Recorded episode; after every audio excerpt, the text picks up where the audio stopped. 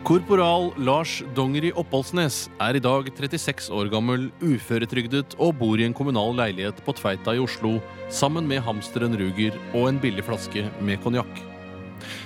Korporal Dongeri Oppholdsnes tjenestegjorde i den norske Unifil-styrken i Libanon fra 1989 til 1991.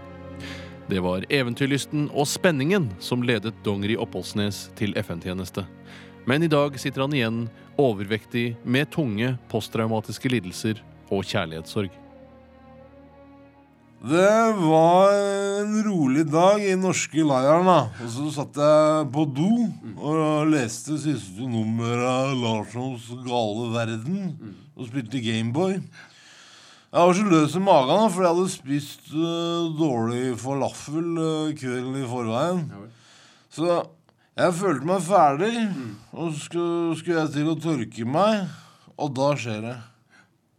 Ikke sant? Det er ikke mer dorull igjen. Jeg blir varm. Så kjenner jeg angsten bre seg i hele kroppen min. Jeg blir svimmel, jeg blir kvalm. Og i tillegg så hører jeg fra rommet mitt at det tikker inn en uh, tekstmelding.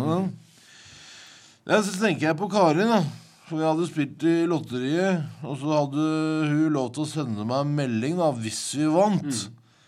Så jeg begynner å skrike, da. Og jeg skriker og skriker og skriker. Og til slutt så kommer da Fenrik Hoff.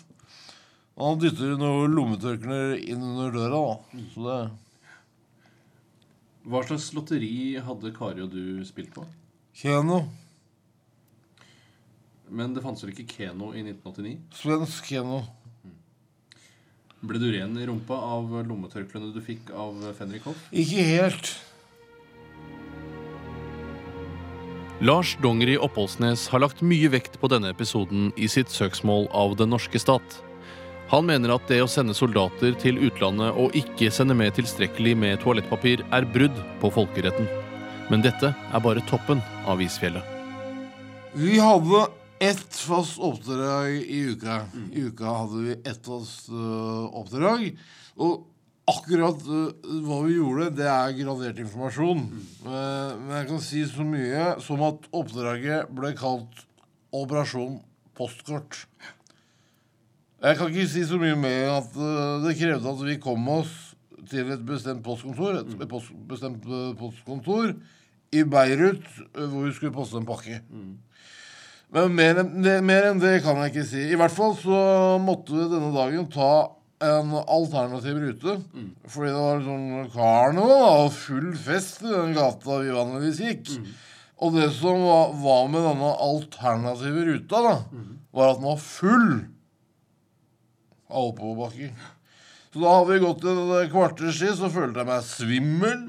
Jeg mista balansen, mistet ba ba ba balansen og prøvde å gripe tak i bukseselene til løytnant Homseth. Men jeg glapp. Så jeg ramla så lang jeg var, over en lauskatt da, som satt og gnagde på noen fiskerester i et lite smug. Og katta daua momentant. da. Hva gjorde du med katten? Jeg måtte jo ta den med meg. Spiste du katten? Nei, det gjorde jeg ikke. Eller jo, det gjorde jeg. Disse episodene er bare to av over 330 punkter som Lars Dongeri Oppholdsnes har saksøkt den norske stat for. I tillegg har han sendt et krav om erstatning etter at han ble frastjålet et par Adidas-slippers mens han dusjet i 1991. Riksadvokaten behandler fortsatt saken, og frem til en eventuell erstatning foreligger, må Lars Dongeri Oppholdsnes leve på Keno-gevinsten fra 1989 og den svært lukrative stønadsordningen for krigsveteraner. Takk for i dag. Ha en trivelig dag.